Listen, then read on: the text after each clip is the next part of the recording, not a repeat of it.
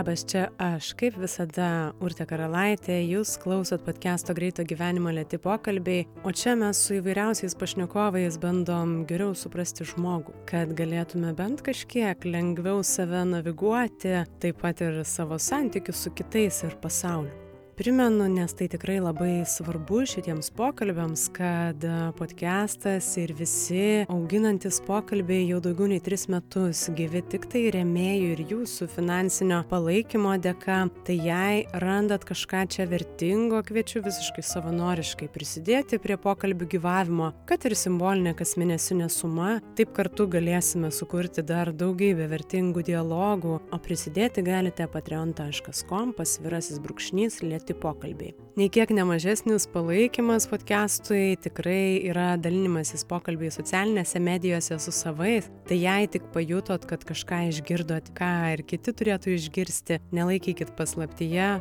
dalinkitės.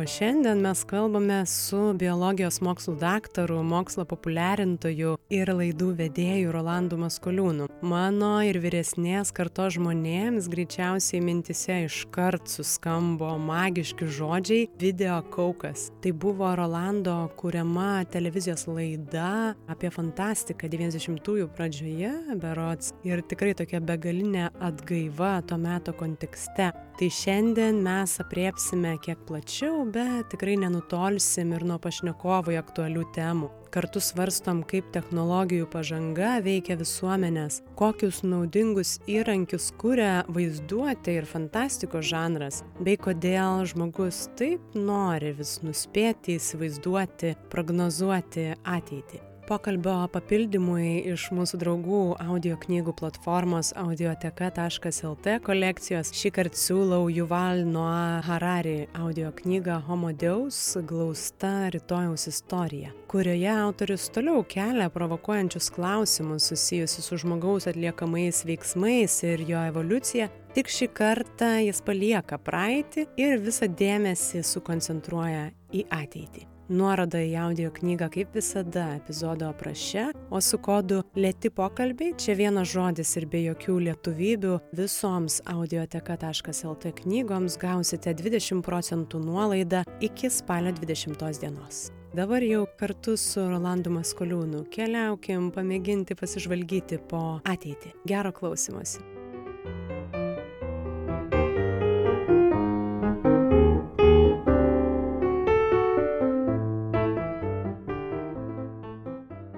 man pačiai pradžiai norėtųsi gal taip šiek tiek lengviau ir šmaikščiai paklausti.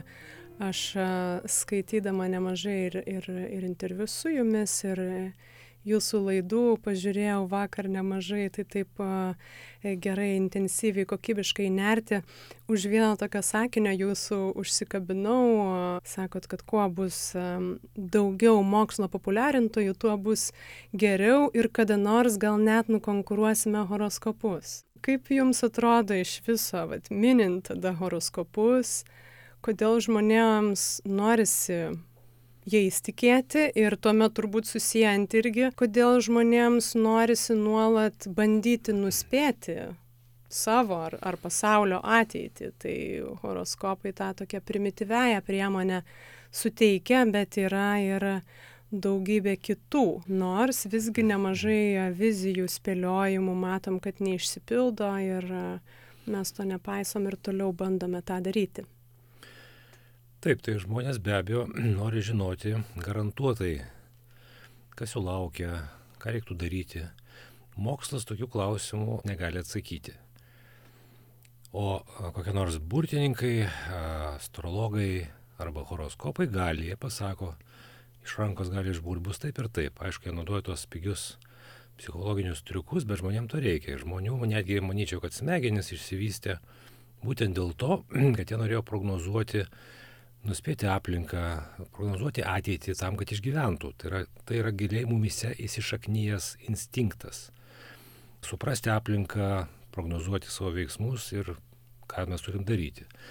Ir čia yra paradoksas, nes nu, žmonės domisi tarsi va tais horoskopais, kurie iš tikrųjų ne, negali pasakyti tiesos, bet nesidomi mokslu arba nepakankamai domisi, mm, arba netgi fantastika nesidomi, nors būtent fantastai ir mokslininkai iš dalies, jie ir kūrė tas prognozes ir paruošė mus ateičiai. Jeigu mes skaitytume ir naudotume dažniau savo smegenis kūrybiškai, tai mes, manau, geriau prisitaikytume prie visų grėsiančių pokyčių, prie tų vadinamųjų juodųjų gulbių. Pavyzdys yra pandemija, kuri iš esmės buvo ta juodoji gulbė, kalbant Nasimo Talebo terminu, kada reiškia staiga įvyksta kažkoks katastrofinis įvykis ir netgi globalus. Ir žmonės, kadangi dauguma žmonių neturi fantazijos, neturi tos vaizduotės ir ne, ne, nėra įpratę prognozuoti šiek tiek plačiau ir įvairiau, jiems iš karto panikos priepolis gali, reiškia, susiformuoti. Arba tas atmetimas skiepų ir panašiai. Jie iškart mano, kad juos bando kažkas nunuodyti, arba nori kažkas pasipelnyti, bet nepagalvoja, kad jeigu jie numirs, tai pasipelnys giminės, nes turtą galės paveldėti. Kitaip sakant, jeigu žmonės daugiau įsivaizduotų, kad tokių įvykių buvo ir bus, tokių katastrofinių įvykių, ar tai bus meteoritas, ar tai bus vėl kažkokia katastrofa, tai tam jie geriau pasiruoštų. Jie tuos scenarius savo smegenėse galėtų geriau prisitaikyti ir nebijotų iš karto, na, aiškia, mm, sakyti, kad tai yra kažkoks samokslas prieš juos, tai bandymas kažką sunaikinti ar čiupuoti žmonės. Manau, kad tai yra esmė tas nepasiruošimas e, labai greitai kintančiai dabarčiai.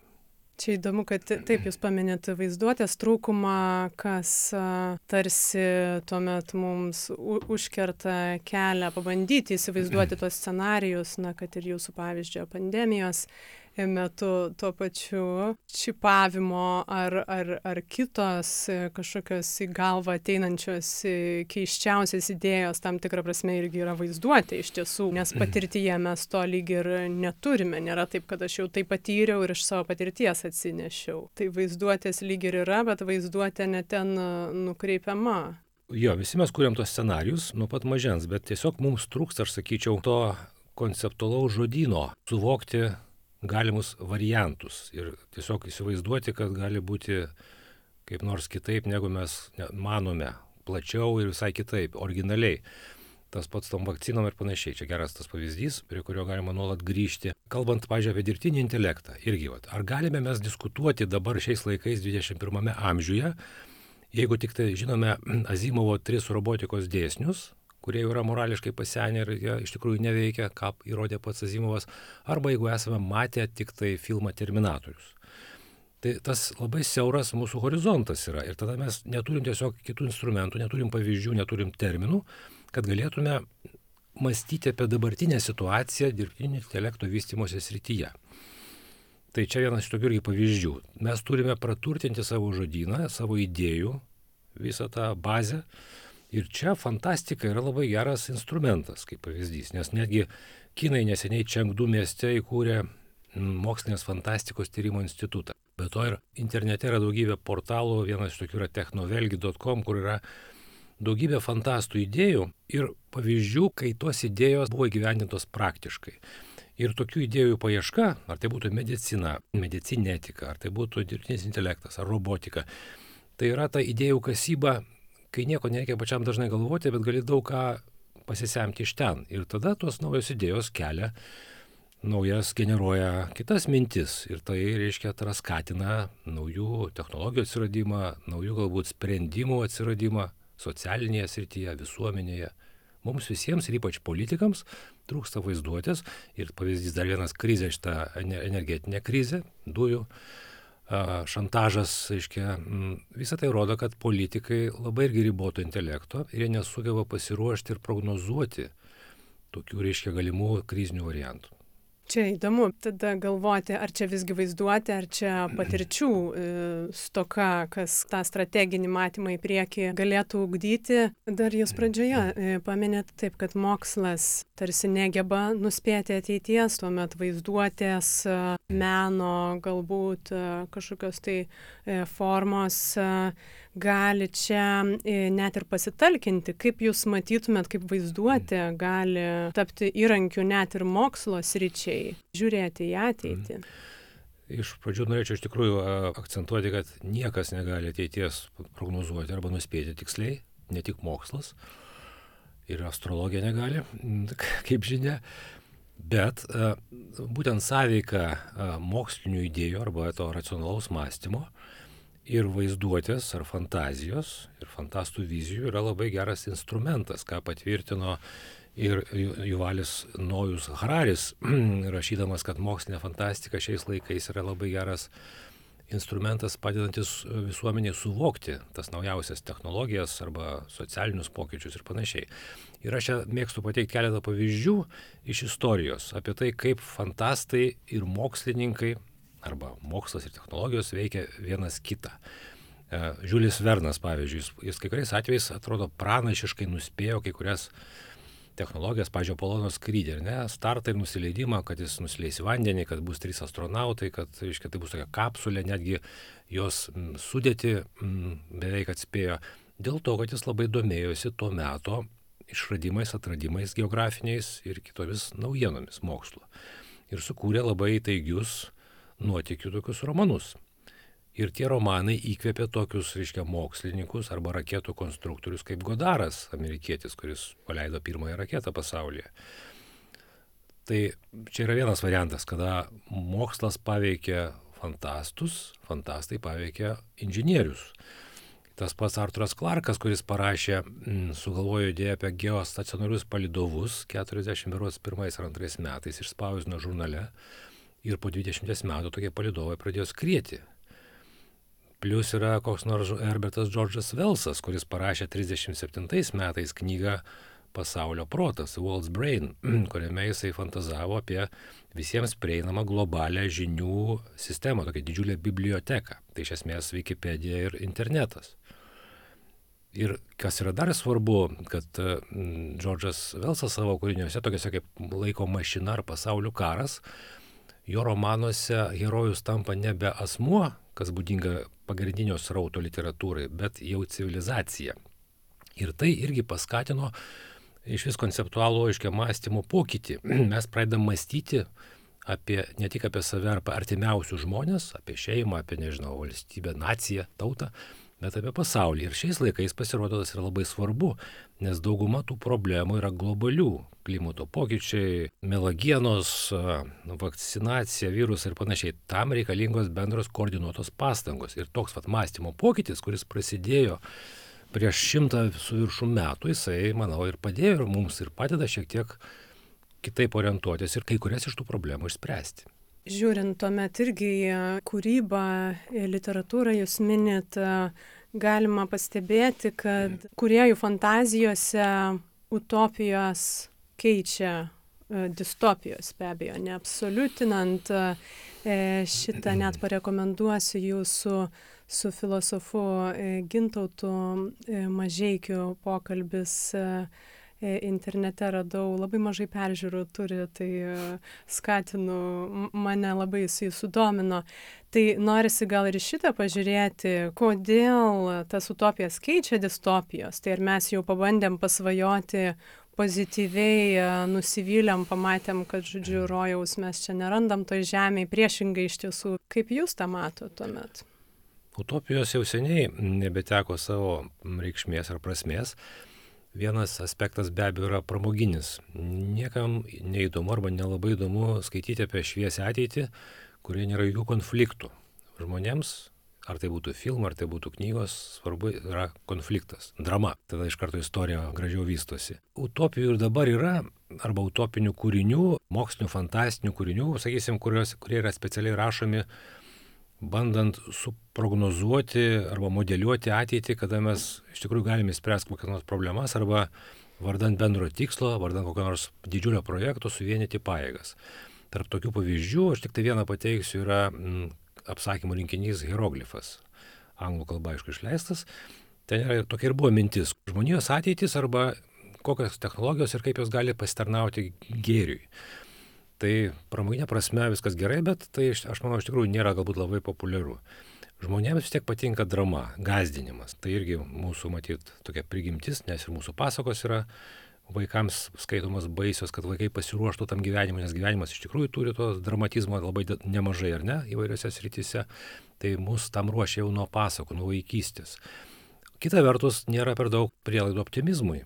Dėl to pastaraisiais metais ir televizijoje ir literatūroje distopijos dominuoja arba antiutopijos dominuoja. Tai susijęs su tuo, kas, kas aplink vyksta. Menininkai, e, visų pirma, jų užduotis yra mus linksminti arba mus, suteikti mums pramogą. Jeigu, jeigu tuo pačiu fantastai dar sugeba kažką ir nuspėti, tai čia toks yra papildomas bonusas. Tai dėl to ta bendra tendencija tokia yra, mes reaguojame tai, kas vyksta ir stebim ir bandom galbūt įspėti, sąmoningai ar nesąmoningai, čia aš kalbu menininkų vardu, bandome įspėti, visuomenę, kas gali mūsų laukti, jeigu mes nepakeisime savo vartojimo įgūdžių, savo mąstymo, savo, nežinau, elgesio ir panašių dalykų.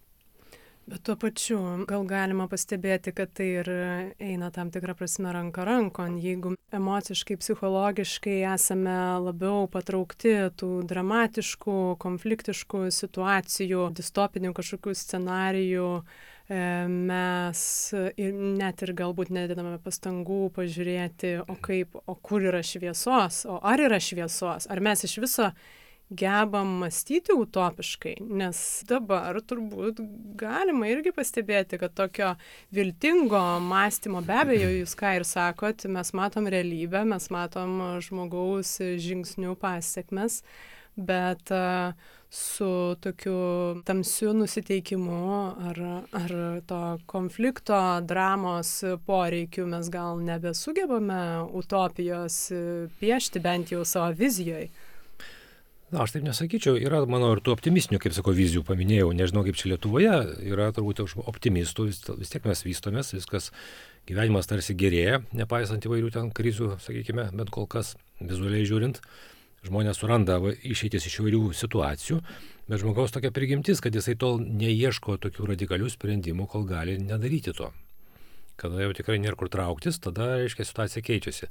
Apie tai labai gerai yra parašęs Matt Ridley savo knygoje Racionalusis optimistas. Ten nemažai yra pateikiama pavyzdžių, kaip, reiškia, iš tikrųjų mes kaip civilizacija tobulėjam nuolat, kaip gerėja mūsų gyvenimas, mytyba, mažėja skurdas ir panašiai. Iškia. Tai Pinkeris su to iš dalies sutinka, agresija mažėja iš dalies, tiksliau viena agresijos forma keičia kitą formą, bet jau kita, kita kalba truputį. Tai reiškia yra to, tik tai sakau, mūsų prigimtis, mes turbūt esame šiek tiek, šiek tiek tingus padarai, Dėl to mes tokie išradingi, nes kai tingisi norisi kažkaip tą gyvenimą palengvinti, tada ir taip gimsta kokios nors idėjos, inovacijos, ar ne, automatiza, automatizacija, mechanizacija vystosi. Tie mūsų visi minusai visgi kartais sudaro vieną kitą pliusą. Taip, jūs paminėt e, pažangą prie technologinės e, pažangos, norisi staptelti, tai be abejo mes tą tikrai e, negaliu generalizuoti, aš to tikrai neneigiu ir mes matome šiandien sveikėjantį žmogų, bet aš norėčiau pažiūrėti galbūt būtent į technologinio progreso ir visuomenės ar tarpusavio santykių tą sąveiką. Mes e, išmokome pagerinti technologiškai savo aplinką, be abejo, indėlis į sveikatą, akivaizdus, e, kaip visgi tas progresas veikia mūsų tą minkštąjį e, sluoksnį, kuris tarsi irgi yra prigimtinis mūsų bendravimo tarpusavį ryšių. Taip, aš manyčiau, kad tai yra tokia nemaža problema, nes mūsų smegenys vystosi kur kas lėčiau negu aplinka. Technologinė, sakysim, aplinka visų pirma. Dėl to smegenys nebespėja ir viena vertus mums tarsi atrodo, kad progresas yra ir mes progresuojam kaip visuomenė, bet iš tikrųjų tai nėra visai taip. Ta pastebi ir Džonas Grėjus, filosofas. Tai mums sukuria progreso iliuziją. Nes vis tiek mes išliekam tos agresyvios, hierarchinės būtybės ir dar blogai tas, kad mes turim nemažai proto. Jeigu būtume tik tai agresyvios ir hierarchinės, tai būtų dar netai blogai, bet kad dar sugebam gudriai to pasinaudoti, tai dėl to nutinka. Kas nutinka, turime ir tos bruožus visuomenės, kurie kelia vis daugiau įtampų, tokių kaip e, turtinė neligybė, būtent tas besaikis vartojimas ir panašiai. Vienintelė turbūt išeitis yra iš tikrųjų naudoti savo protų ir bandyti valdyti savo tos instinktus, o neleisti jiems valdyti mus. Bet matyt, kad nemažai žmonių tą nelabai gali padaryti. Dėl to mes ir turim tokią situaciją pasaulyje. Nes tie visi judėjimai, tie visi kairiųjų judėjimai, tie, tie protestai iš dalies yra sukelti to, kad žmonės mato tą tokį socialinio kontrakto pažeidimą, kada turtingi arba elitas kalba apie tai, kad reikia labai saugoti aplinką, neteršti, nesinaudoti ten, sakysim, kai nereikia lėktuvais, dar kažko patys įma ir nuskrenda kur nors, reiškia, į kurortą. Iš pradžių princas Haris kalba, kad čia kiekvieno elgesys kiekvienas poelgis yra labai svarbus, o paskui sėdi dviese į privatų lėktuvą ir nuskrenda. Tas pats su Greta Thunberg, kurie atplaukė laivu į New Yorką, pasakyti, kaip mes blogai darom, kad teršiam aiškia, aplinką, o paskui grįžo visa, visa komanda lėktuvų. Tai va, to nuoseklumo nebuvimas žmonės, manau, labai erzina. Ir tai irgi parodo tavo tokį mūsų norą, aiškia, mes norim, kad kiti elgtųsi taip, o patys nelabai norim to elgtis. Ir tas galioja ir politikams, ir visiems kitiems. Čia viena iš problemų, ką irgi patvirtina kita knyga, kitos knygos autorė, profesorė, reiškia, pavardės dabar neprisiminsiu, Princeton universiteto, kuri vadinasi Ugdyti sąžinę. Knygos pavadinimas apie tai, kad pavyzdys, asmeninis pavyzdys yra geriausias valdymo instrumentas visuomenės. Jeigu politikas elgesi padoriai, jeigu jis iš tikrųjų tai, ką sako, tą jis ir daro, tai labai daug šansų, kad žmonės bendruomenė patikės tuo ir elgsis taip kaip jis. Bet jeigu to nėra, ką liūdė tie visi, vat, Panama Papers, Pandora Papers atsiradimai, kad visgi elitas leidžia savo elgtis kitaip. Čia gal būtų įdomu pažiūrėti, aš tikrai irgi pati su tuo ir savo gyvenime susiduriu, kaip jūs pats galbūt bandot tuos žingsnius nuosekliau dėti jeigu mes stengiamės ne tik kalbėti apie tai, kad va, reikia gelbėti planetą ar nežinau, ar gerinti a, mūsų visuomenės a, santykius, kaip mes iš tiesų savo žingsniais tą darome tuomet. Gal kai kas daro daugiau ar mažiau, turiu meni, kad ne per daug vartoti arba saikingai vartoti. Nesekti kitų pavyzdžių, jeigu tau nereikia, tai nereikia daryti tą, ką daro kiti, kaip pavyzdys saiko jausmas labai svarbu. Mąstyti apie tai, ko tau iš tikrųjų reikia, kas tau yra svarbu, nes nekartą tenka skaityti, kai kokie nors žmonės daug dirbo, dirbo, dirbo, ir staiga pradeda kalbėti, va, pakeičiau nuomonę, pamaščiau, kad visai kitaip reikia elgtis, arba po daugybės metų darbo staiga išvažiuoja į gamtą, visko atsisako, arba ieško nusiraminimo ir prasmės kur nors uh, Indijoje ar ne, kitose religijose, taip tarsi liūdytų, kad žmogus iš pradžių, pradžioje mažai mąstė, ir staiga jis susimasto, kam visą tai, arba ar turtas atneša laimę, čia tokie fundamentalūs klausimai. Tai man patiko labai tokio filosofo Jono Čiurlionio mintis, aš su juo kalbėjausi vienam interviu. Jeigu mes mažiau naudotumėmės Facebook arba kitais socialiniais tinklais, o daugiau mąstytume, kaip filosofai daro, kaip Graikijoje tas buvo, nu, būtų žymiai tas gyvenimas mūsų turbūt mažiau kupinas stresų. Nes Graikijoje tai buvo tokia mada, kai kokia nors mokykla pitagoriečių turėjo 500 studentų. Tai yra didžiuliai skaičiai. Kitaip sakant, mąstymas ir galbūt pasitarus su filosofais ar su išmanančiais žmonėmis, ta kultūra mąstymo, jinai galėtų pakeisti mūsų galbūt ir elgesį ir suteiktų mums daugiau laimės ir mažiau chaoso liktų. Čia labai įdomu, ką jūs pateikėt pavyzdį taip apie žmonės, kurie, vat, nežinau, dirbo ar gyveno viena kryptimi ir po to e, atsisako viso to, tai tarsi mokosi per patirtį, ką be abejo, na, dauguma mūsų daro, paragauja neskanu, nebevalgo primityviai žiūrint, bet e, jūs tarsi siūlot užbėgti už akių ir pamastyti, e, vietoj to, kad viską pulti, bandyti, ragauti ir tuomet e, spręsti, ar man patiko. Aš remiuosi tą informaciją apie augančių nerimo būsenų, depresijos būsenų pasaulyje skaičių. Tai rodo tarsi, kad mums iš tikrųjų per daug šiek tiek to chaoso, galbūt per daug darbo, per daug įtampos, atsakomybės, per daug išaugęs greitis, būtent naudojimasis tomis technologijomis dar paspartina ir pagreitina tą visą mūsų, reiškia, elgesį veiksmus. Ir manyčiau, kad smegenys iš tikrųjų nebesusitvarko su tais duomenimis, visko yra per daug, dėl to tas smegenų hygiena yra labai svarbi taip pat kaip ir kūno higiena arba mankšta. Mes dažnai mankštiname savo kūną sporto salėse, bet visgi nelabai ne kas arba retai kas taip pat dirba su smegenimis. Po to reikia psichoterapeutų, psichiatrų ir kitokių, reiškia, paslaugų. Po to žmonės dėl to vartoja opioidus, skausmą mažinančius vaistus, kenčia chronišką skausmą daugeliu žmonių. Tai rodo tarsi, kad mums trūksta to tokio sugebėjimo susivaldyti, susiorientuoti toje besikeičiančioje aplinkoje. Ir galbūt ne tik filosofija, bet apskritai matyt kažkur reikėtų nuo, nuo, nuo mažens tokių kursų ar, ar kažkokiu tai mm, pasiūlymų, nežinau, metodikos, kuri padėtų žmogui šiek tiek su save analizuoti, analizuoti pasaulį, nes yra daug informacijos, yra daug tų filosofų, aišku, reikia surasti ką ir kaip, bet manyčiau, čia yra technikos klausimas.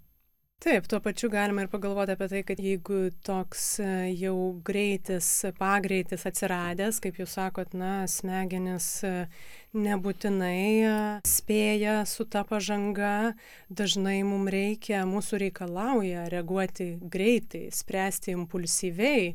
Ir, ir turbūt nemažai kas ir susiduria su tuo, kad jeigu iš tiesų mes turėtume tam laiko pamastyti, sprendimai būtų kitokie, stereotipiniai sprendimai ne visada yra mums naudingi. Tai tas greitis ateina ne tiek iš mūsų pačių galbūt, bet iš to rato, kuriame mes įsukti. Be abejo, yra žmonių, kurie samoningai save ištraukia ir, ir bando tame rate nesisukti, kiek tai įmanoma, čia klausimas turbūt.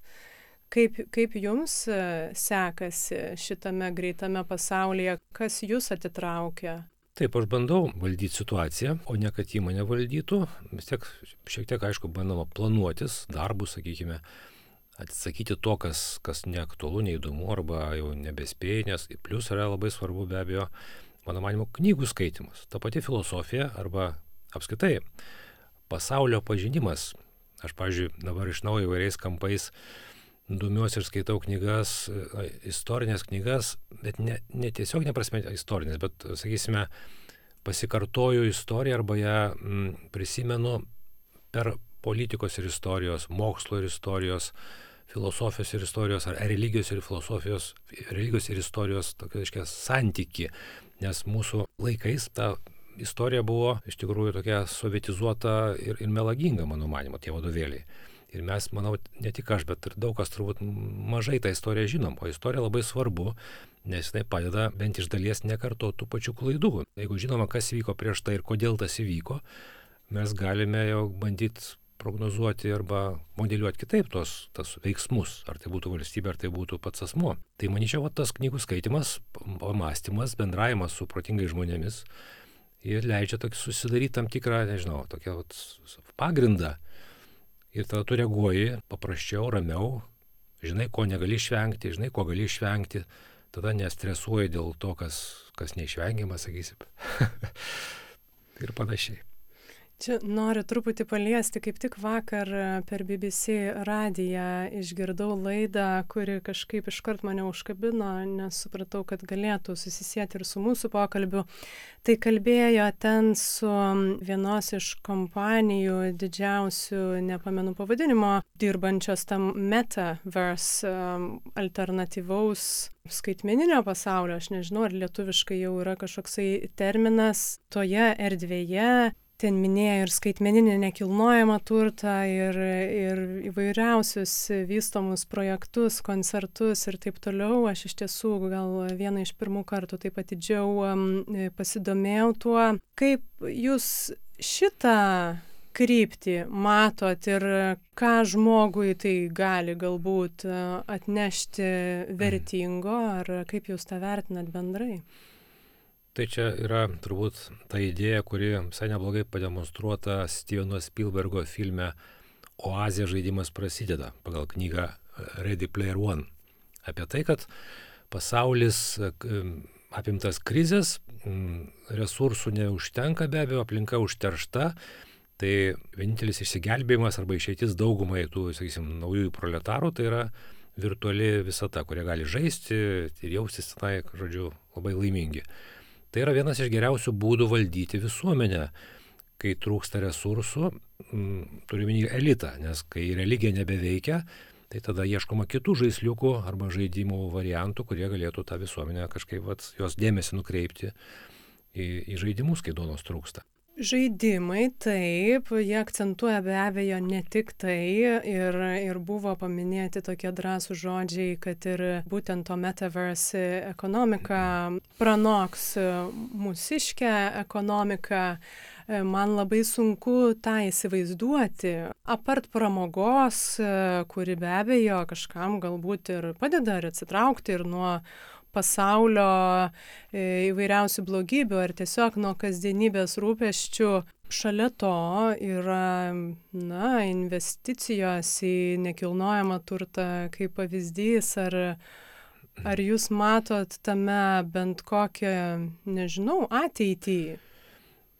Tai yra tendencija, jūs čia turbūt turite omeny panašų, aš klaidos ne, neklausiau, bet panašų dalyką kaip, kaip ta Second Life turbūt. Ten, kur žmonės išleidžia realius pinigus, pirkdami virtualius kokius nors vat, avatarus arba kažkokį tai turtą. Tai čia be abejo yra virtualus turbūt kolekcionavimas. Tiems, kurie sukūrė tą idėją ir sugeba parduoti tokį dalyką, tai galima juos tik pasveikinti. Atsiranda klientų, kurie moka pinigus kaip ir už nieką, už tą, nu, už, už kitaip, arba ne už nieką, už tą pojūtį. Vienam yra malonu e, už dyką pasigėrėti gamta, kitam žymiai smagiau sumokėti pinigus už kažkokį tai virtualų žaislą. Čia kas kam patinka. Negalima peikti nei vieno, nei kito. Bet tai yra mūsų pasirinkimas, o kalbant apie ekonomiką, tai, tai iš tikrųjų viena iš tendencijų yra, kad daugiau tos virtualaus turinio, tų virtualių visokių visatų ir pasaulių, E, ypač dabar, kada atpigo ten tie žaidimų varikliai arba galima juos naudoti labai daug, daug kam, tai tokių, reiškia, virtualių pramogų žaidimų arba netgi koncertų gyvų žmonių avatarų tuose to žaidimų erdvėje jų atsiranda. Ir tada tie žmonės irgi turbūt moka pinigus, kad patektų į, tą, į to atlikėjo koncertą virtualioje erdvėje. Tai čia irgi būdas uždirbti pinigus, tiesiog kita forma. Be abejo, tai yra verslo modelis. Čia įdomu, kur aš ir noriu turbūt pagalvoti, jūs ir pats sakote, tai be abejo, kad e, ir dabar yra, ir, ir turbūt ir kažkokioj netolimoje ateityje bus žmonių, kurie vertins medį, rupelį ir bus žmonių, kurie rinksis e, keiščiausias patirtis būtent kuo nerealesnėje ir kuo labiau atitraukiančioje nuo realybės erdvėje, bet vad galvojant apie jau to nerealaus pasaulio planuojamą vystymą ir plėtrą, kiek visgi žmonių, kuriuo keliu pasuks. Nes mes dabar tarsi matome, kad e, tikrai nemažai, na ir mūsų Lietuvą galima pažiūrėti žmonių e, linkę tarsi rinktis galbūt jau vėl grįžimą link gamtos ir, ir gal atokiau nuo miesto, gal jau lėtesnį, ramesnį gyvenimą, bandyt balansuoti tą darbą ir, ir atitrūkimą. Tuo tarpu mes e, kitoj pusėje matome daugybę žmonių, kurie renkasi tą kitą gyvenimą. Tai čia nesitikiu iš jūsų atsakymo, bet įdomu į tas svarstyklės irgi pažiūrėti, mes nežinome, kur nusvers. Mes negalime žinoti, nes tai dabar vykstantis labai įdomus eksperimentas ir globalus eksperimentas, kiek iš tikrųjų mūsų smegenys gali atlaikyti tos tokios informacijos ir ar tikrai mes prie, prie to prisitaikysime, kaip tai įvyks, kokie tai bus pokyčiai, nes, nes akivaizdu, kad aiškia, vien tai, kad mes esame toje virtualioje erdvėje, socialiniuose tinkluose, mes kitaip bendraujame ir kitaip skaitome, tai keičia ir anatominę mūsų smegenų struktūrą. Tie, kurie domisi ir norėtų plačiau apie tai sužinoti, rekomenduoju paskaityti e, Nikola Karo knygą Seklumas, The Shallows, kaip internetas keičia mūsų smegenis. Tai irgi yra ir eksperimentais įrodyta. Ir klausimas, kuo tai gali baigtis. Kol kas, kaip ir su mobiliaisiais įrenginiais, nesunku pasakyti, kokios bus pasiekmes. Tai galbūt po, po kokių 10-15 metų tikriausiai jau bus aiškiau. Dar apie dirbtinį intelektą e, norisi pagalvoti, jisai jau yra čia, kas antrame, jeigu nedažnesnėme mūsų žingsnėje etiškumas ir moralė. Mes jau žinome, kad tas general, kaip, kaip jis vadinasi? E, lietuviškai. Um, bendrasis intelektas. Bendrasis intelektas. Dirbtinis intelektas, tai bendrasis dirbtinis intelektas. Kuriam bus suteikiama dar daugiau atsakomybės priimti sprendimus, intuicija, jau galbūt turės ar galbūt jau turi, aš nežinau. Ne tik tai iš turimos informacijos simuliuos atsakymus, kaip jūs matot, taip, moralės klausimą ir būtent dirbtinio intelekto na, vis platesnį įsigalėjimą. Mes iš tiesų su filosofu Vilium Dransyka tikrai jau seniai kalbėjom apie tai, bet vienas iš iškeltų klausimų ten jo ir buvo, kas prisims atsakomybę už robotų padarytas klaidas, na, robotų labai plačia mm. prasme. Taip, du aspektai yra tas siaurasis intelektas, kuris jau veikia ir, ir, ir gana plačiai pasklydęs, kuris atlieka tam tikrus konkrečius uždavinius. Ir čia nėra jokio pavojaus, kadangi jis yra programuojamas, užprogramuotas, sakysim, ir veikia tuose rėmuose. Kalbant apie tą bendrąjį, tai iki jo dar manyti tolimas kelias, nes bendrasis intelektas dirbtinis iš esmės turėtų būti kaip žmogaus smegenės. Tai galbūt bus dar galingesnės arba žymiai galingesnės ir jos arba bus sukurtos, arba gali netgi spontaniškai susiformuoti. Mes dar nežinome, kaip, kaip iš tikrųjų mūsų protas susiformavo ir kaip jis veikia vis dėlto, kaip tas mūsų mintis ir visai tai yra koduojama. Bet kalbant apie tą intuiciją dirbtinę, tai sakyčiau, kad tie kompiuteriai, superkompiuteriai, AlphaGo, ypač AlphaGo Zero, kurie laimėjo prieš žmonės Go žaidime ir aišku jau senai laimėjo ir laimė jau prieš šachmatininkus geriausius, tai rodo, kad jie turi tą intuiciją, nes jie apmokomi nesuvedant duomenis, kaip yra mašininio mokymosi principais. Visus galimus variantus yra įdedama į mašiną ir jinai atsirenka. Visai ne taip, dabar yra tiesiog naudojant tą reinforcement learning arba unsupervised learning, reiškia ne, ne, nekontroliuojama mokymasi, neprižiūrima mokymasi turbūt, jie, tie superkompiuteriai gauna tik tai bendrasias taisyklės. Ir žaisdami su savimi arba su kitu kompiuteriu jie labai greitai tampa žymiai geresni žaidėjai už žmogų. Tai reiškia, yra kažkokios tai atsiranda algoritmai, kurie sustiprina tos sugebėjimus. Ir kaip tai veikia, kol kas dėja patys tų dirbtinio intelektų sistemų kuriejai nežino, neuroninių tinklų kuriejai nežino. Labai įdomi knyga dar viena yra Karloso Perezo, kuris taip ir vadinasi dirbtinė intuicija. Labai įdomiai pateikta informacija apie tas pagrindinės vystimosi kryptis. Taip pat ir apie etiką. Ir aš apie etiką nesnei visai kalbėjau su kitu filosofu, su Nerium Čiapuliu iš Kauno technologijos universiteto. Ir mes taip irgi mąstėm, sampratavom, diskutavom, kokiu pagrindu ir koks turėtų būti, kokiais principais sukurtas dirbtinis intelektas bendrasis, kad jis nebūtų pavojingas žmogui. Tai turbūt esminė išvada jis turi būti empatiškas, panašus tarsi į Dievą, nes, nes Dievas, esmė dieviškumo yra sugebėjimas pasiaukoti vardan kito.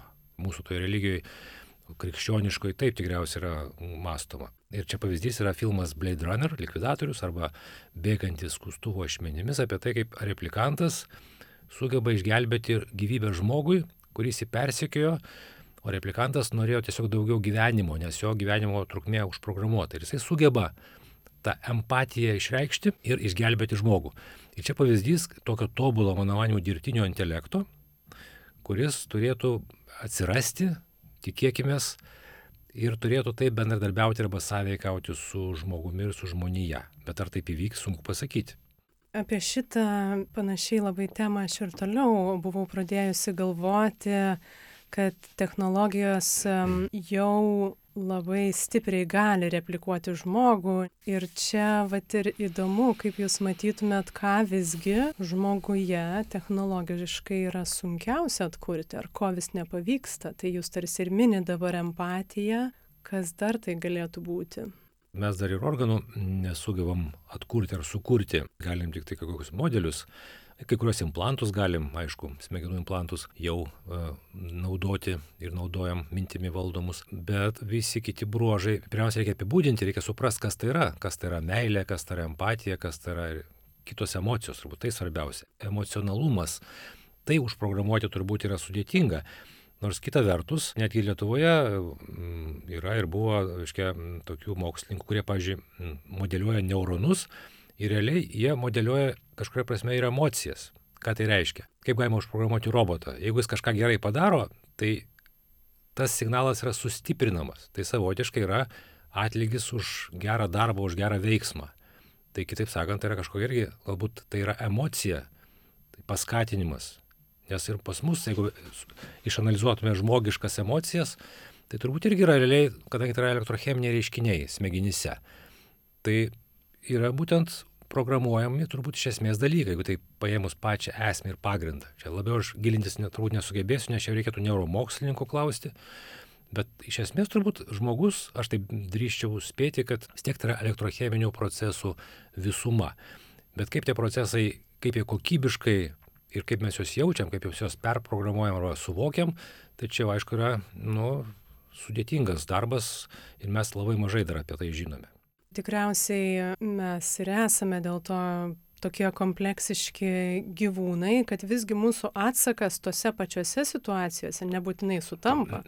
Na, kaip jūs sakot, kad galvojant dabar ir apie roboto kažkokį programavimą emocijai, aš tuomet įsivaizduočiau, kad tas atsakas bus labai automatizuotas, kad jeigu X atsakas kažkoks tai B. Mm, čia tas tradicinis e, mąstymas, bet jeigu yra kuriami tie neuroniniai tinklai, kurie gali apsimokyti ir save tobulinti, tai mes nelabai žinom, koks tas gali būti atsakas. Čia ir yra ta, ta reiškia problema, nes jeigu norint sukurti bendrąjį dirbtinį intelektą, reikia leisti jam pačiam vystytis. O kai leisi vystytis, nekontroliuojamai arba iš dalies kontroliuojamai, niekada negali būti tikras, kas gausis. Čia tikrai skamba kaip nemažai filmų scenarijų, ką mes jau esame matę, kas galėtų gautis. Pažiūrėsime, tikrai sunku taip spekuliuoti.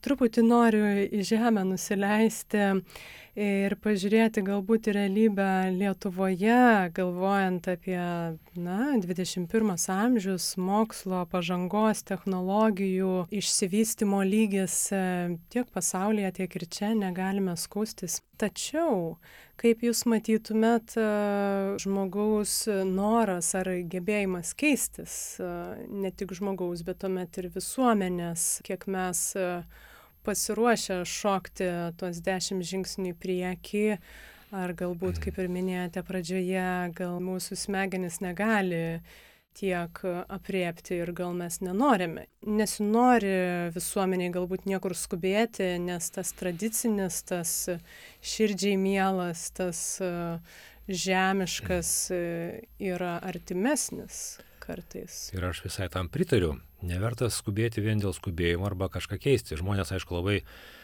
kaip suprantu, mėgsta keisti telefonų modelius arba visokius kitokius tokius gadgetus, automobilius ir panašiai. Bet gyvenimo būdas yra turbūt vis tiek esminė tokia vertybė ir stabilumas visais laikais buvo vertybė. Ir va čia yra esmė tarp to stabilumo ir pokyčio. Kiek žmogui reikia to stabilumo Nes jeigu viskas keičiasi, irgi yra nemažai tų ir knygų, ir visokiausių, reiškia, analizių, ir sociologinių analizių. Teko irgi vieną kitą skaitytis ir domėtis, kad e, šiolakiniai kartai jauniesiams žmonėms, kai jo, jų paklausi, tai ko, kaip jie norėtų gyventi, tai paaiškėjo, kad jų vertybės yra gana tradicinės, bent jau vakaruose, aš neturiu duomenų apie Lietuvą, bet Jie nori kaip tėvai turėti, pavyzdžiui, būstą, nori galbūt namą turėti, o tarsi ideologija sako, kad mums nieko nereikia, dabartiniam jaunimui dabar reikia tik tai viską nuomotis gali, viskas virtualu praktiškai, būkim, gyvenkim, taip sakant, keiskime nuolat kažką naujo, naujo, naujo. Ir tai va iš tikrųjų paskui priveda prie depresijų, man tai atrodo, gal ne visais atvejais. Yra tokių, kurie, kurie tik tai gyvena ateityje turbūt, bet manyčiau, kad tai nėra didžiausia dalis pasitikėjimo temą dar noriu trumpai paliesti. Prieš tai buvusiam pokalbį mes su žurnalistu Dovydu Pancerovu kalbėjom ir apie įspūdingai žemą pasitikėjimą žiniasklaida, autoritetu, taip pat vieni kitais, mokslu, vėlgi medijomis, tas nuosmukis tikrai turbūt ir tiesiogiai juntamas ir tą, manau, paantrintų, aš juos antrinu iš tiesų tikrai ne jie mane. Kaip jūs e, matytumėt, kaip tą įrankį galima sustiprinti ir ar reikia tas toks ankstesnio bendruomeninio mūsų gyvenimo ir pasitikėjimo vieni kitais ir ėjimo iš vien kartu su savo kaimu, galbūt šiek tiek blėsta ir, ir mes galbūt norime skaldytis labiau į, į aš vienas karys, tokį matymą, kaip jūs tai matot? Pasitikėjimas ir tiesa tokie yra, aišku, susiję labai dalykai. Ir čia galima trumpai irgi pasakyti, kodėl tas nyksta arba vyksta ta jo tokia erozija.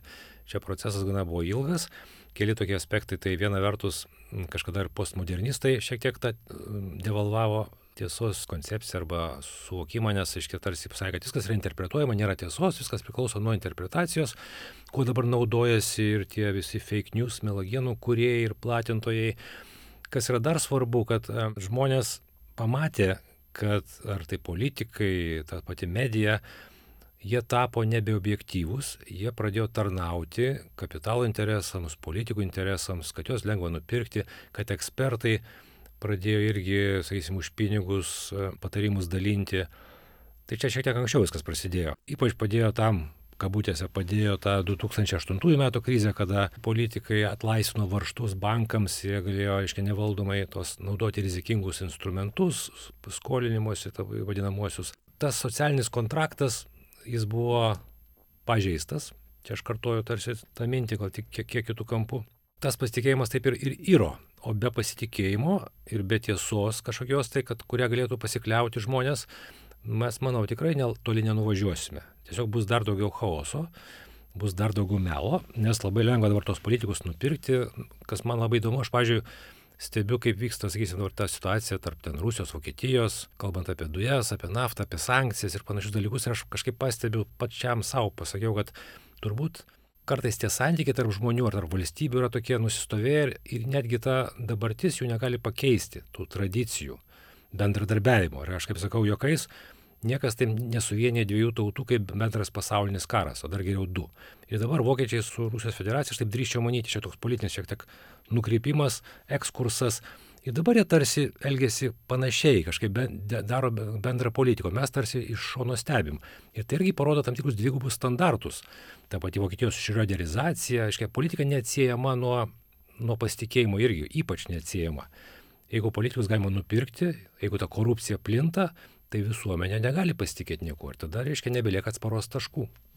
Tai vad galvojant apie tikrai daugybę pavyzdžių, apie ilgus metus įvairiais pjūviais, tiek politiniai srity, tiek tarpusavio, socialinės medijos, žiniasklaida, atneša savo kažkokius tai nestabilumus irgi tame santykyje e, su savo auditorijomis to pasitikėjimo.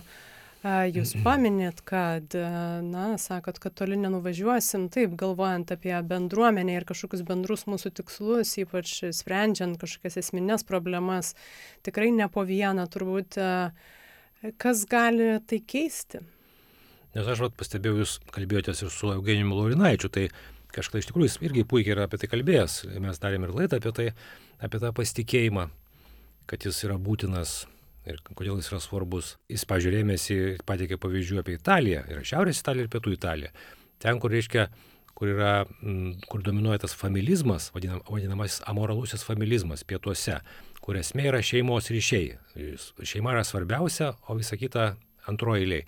Tai tada iš karto tas, iškia, tarsi pasitikėjimas šeimos, bet, jisai, bet nėra pasitikėjimo yra visuomeniai.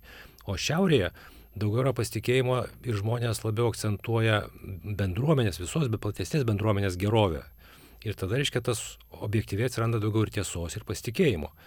Tai tokia yra, yra įvairių pavyzdžių iš įvairiausių sričių. Tai nežinau, ar atsakiau į šį klausimą, bet vienas iš tokių galėtų būti variantų. Ar matot, kad iš to, kur mes mhm. dabar jau esam, yra viltingų scenarijų tai keisti. Jeigu mes jau turime tokias patirtis to nusivylimmo, jos yra jau įsirašę į mūsų sistemą, ar tas pasitikėjimas gali ataukti tam tikrą prasme ir, ir kokie mūsų pačių gal žingsniai galėtų būti. Sudėtingas klausimas, aš tik tai kol kas nematau tokių gerų ženklų, nes man atrodo, kad dabar meluoti apsimoka labai. Nes kai informacijos yra tiek daug ir viskas taip greit keičiasi, tai melai greit užsimiršta.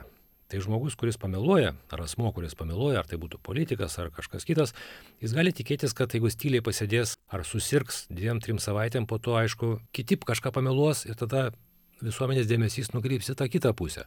Kitaip sakant, anksčiau ir vėliau apsimoka meluoti, apgaudinėti, nes pasiteisina. Tai čia tas melagienų informacijos triukšmo toks, sakysim, šalutinis neigiamas efektas. Kaip tą pakeisti, man tai sunku būtų pasakyti. Ar čia galima kažką pakeisti, kažkokie matyti reikalingi ar sukretimai, arba kažkokios, nežinau, esminės tendencijos, kad tai pasikeistų. Čia galima pagalvoti apie tą vieną iš galimybių pasiekti dugną, tiek nebepasitikėti vieni kitais, kur atrodytų nėra jau kito kelio, kaip formuoti mhm. galbūt viską iš naujo. Šito aš nelinkiu, Dar pabaigai norisi pagalvoti taip, mes kalbėjom apie tai, kur algoritmai, dirbtinis intelektas, ką iš žmogaus perims iš kokių funkcijų, jau perima daugybę, kur jūs matytume netolimoje ateityje žmogų kaip stiprų resursą, žmogaus kūrybingumas yra, manau, mūsų viena iš vertingiausių savybių - tas smalsumas ir kūrybingumas. Viskas yra, kaip sakyčiau, labai evoliuciškai užprogramuota. Tai ta demokratija, ta laisvė ir tas tie laikymasis principų, ar tai būtų privačios nusavybės principų, ar tai žodžio laisvės principų, ar sąžinės laisvės principų, jis yra būtinas, kad mūsų civilizacija, vakarų civilizacija toliau vystytųsi nes tada žmogus, būdamas saugus dėl savo išradingumo vaisių, jis gali toliau tą e, vystyti ir tobulinti ir save, ir savo gyvenimą, ir, atnešti daug naudos. Nes, sakysim, kalbant apie Kiniją, kuri dabar yra kaip grėsmė labai pateikiama, iš tikrųjų tame tiesos yra, bet Kinija nepasikeis. Per tuos porą tūkstančių metų, gal ir daugiau, e, susiformavo toks mentalitetas, E, kad jiems šiek tiek tos vertybės vakarų yra svetimos. Čia aš cituoju ne save, čia aš kalbu Kaifuly žodžiais, kuris parašęs yra knygą tą dirbtinio intelektų supervalstybės. Tai jisai, kadangi pats kinas, tai sako, kad tai yra skurdo filosofija, tas, reiškia, vieno vaiko politika, svarbu, kad reikia jiems prižiūrėti savus senstančius tėvus. Kitaip sakant, jų tikslas yra karjera, pinigai bet kokią kainą. Tai tų principų, reiškia, pas juos nėra, dorovinių ar kažkokių etinių turbūt principų nėra. Ką liūdė tarsi tokie pavyzdžiai dabartiniai, iškia ta valstybė tampa tokia vėl šiek tiek autokratinė. Todėl išeitis vienintelė yra mūsų pačių inovatyvumo stiprinimas, mūsų kūrybingumo stiprinimas, sugebėjimo susitarti bendriems projektams stiprinimas, nes tai yra vienintelis būdas išlikti ir toliau tobulėti. Kitų svertų tikriausiai nebus, mes turim būti, reiškia, patys išradingiausi, geriausi, koordinuoti, laikytis principų, stengtis nemeluoti ir tai turėtų padėti civilizacijai, vakarų civilizacijai toliau, reiškia, dominuoti pasaulyje. Čia labai įdomu, jūs e, taikliai uždarot mūsų pokalbį pradžioje, paminėdamas e, mąstymo svarbą, mes tarsi nuo to pradėjom ir grįžtam beveik prie to paties, kad uh, būtent mūsų kūrybiškas mąstymas ir tikslas nesustoti mąstyti, tai galbūt nepasiduoti visiems tiem mechanizmam, norint toliau turėti savo kažkokią tai užduotį ir, ir rolę čia. Aš taip girdžiu tikriausiai. Taip, žiūrėtas yra įdomus pavyzdys, kada žiūrint tas ekonominius rodiklius, tai yra dvi valstybių grupės, kurios turi didžiausią BVP, turbūt taip, taip reikėtų sakyti. Tai yra tos būtent vakarų valstybės, tokios kaip Šveicarija, Skandinavų šalis, Amerika, Junktinės karalystė tikriausiai. Greta to yra tos visiškai autoritarinės valstybės, kurios turi daug naftos ir kitų, reiškia, gamtinių resursų. Tai vieni remiasi protų didžiąją dalimi, kiti remiasi resursais. Tai resursai vis tiek baigsis arba jų nebereikės. Tai tiesiog manau, kad tas pakilimas gali būti greitas, bet gali greit paskui viskas ir baigtis. Tai dėl to dabar mes esame toje, reiškia, ant tam tikrų svarstyklių. Ir dėl to dabar ypač svarbu vakarų pasaulio Europai sugebėti suprasti save, savo klaidas ir tas tendencijas neigiamas, remiantis savo kūrybą, fantaziją, fantastų prognozėmis, iškia sugebėti pakeisti, pagerinti, atstatyti kažką, ištaisyti ir toliau judėti prieki. Taip ir bandysime toliau. Dėkui, dėkui už mintis ir, ir paspirtį.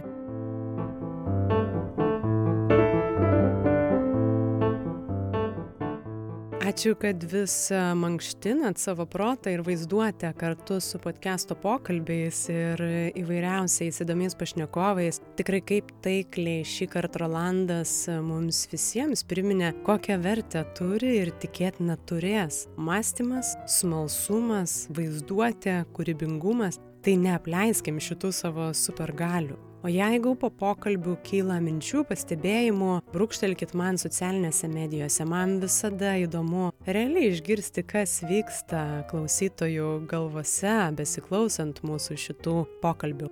Visus podcast'o pokalbius rasite Spotify, iTunes 15 min klausyk ir kitose programėlėse bei karalaitė.com pasvirasis brūkšnys podcastas. Epizodai išeina kas antrą trečiadienį, o naujų epizodų ir kitų podcast'o naujienų tikrai nepraleisit sekdami jį Instagram ir Facebook paskiruose arba audio platformose. Podcast'o kūrimą dalinai finansuoja Spaudos, radio ir televizijos remimo fondas ir daugybė jūsų prisidedančių Patreon platformoje. Tai ačiū tikrai labai už tai. Jūsų prisidėjimas podcast'o gyvybei ir testinumui labai reikalingas, tai jeigu tik galit, prisidėkit bent simboliškai patreon.com pasvirasis brūkšnys lėti pokalbiai. Podcast'o draugai Vilniaus universiteto radio stotis Start FM, kurios galite klausyti startfm.lt arba Vilniuje 94,2 FM. Muzikos autorius Filipe Raposo. Kaip ir kas kart, podcast'e Greito gyvenimo lėti pokalbiai su jumis buvau aš, Urte Karalaitė, o šį kartą kalbėjome su biologijos mokslų daktaru Rolandu Maskoliūnu rudenėjant manau pats laikas paieškoti krypčių kur dar galėtume save kažkaip išplėsti ką dar pamatyti patirti perskaityti. Be abejo nebūčiau aš jeigu nepriminčiau apie saiką nes tikrai neturime spėti visur bet nustebimams ir naujoms patirtims manau tikrai labai verta ieškoti tos energijos laiko ir kartais net drąsos. Tai būkim smalsūs. Iki kitų saulėtų kartų thank you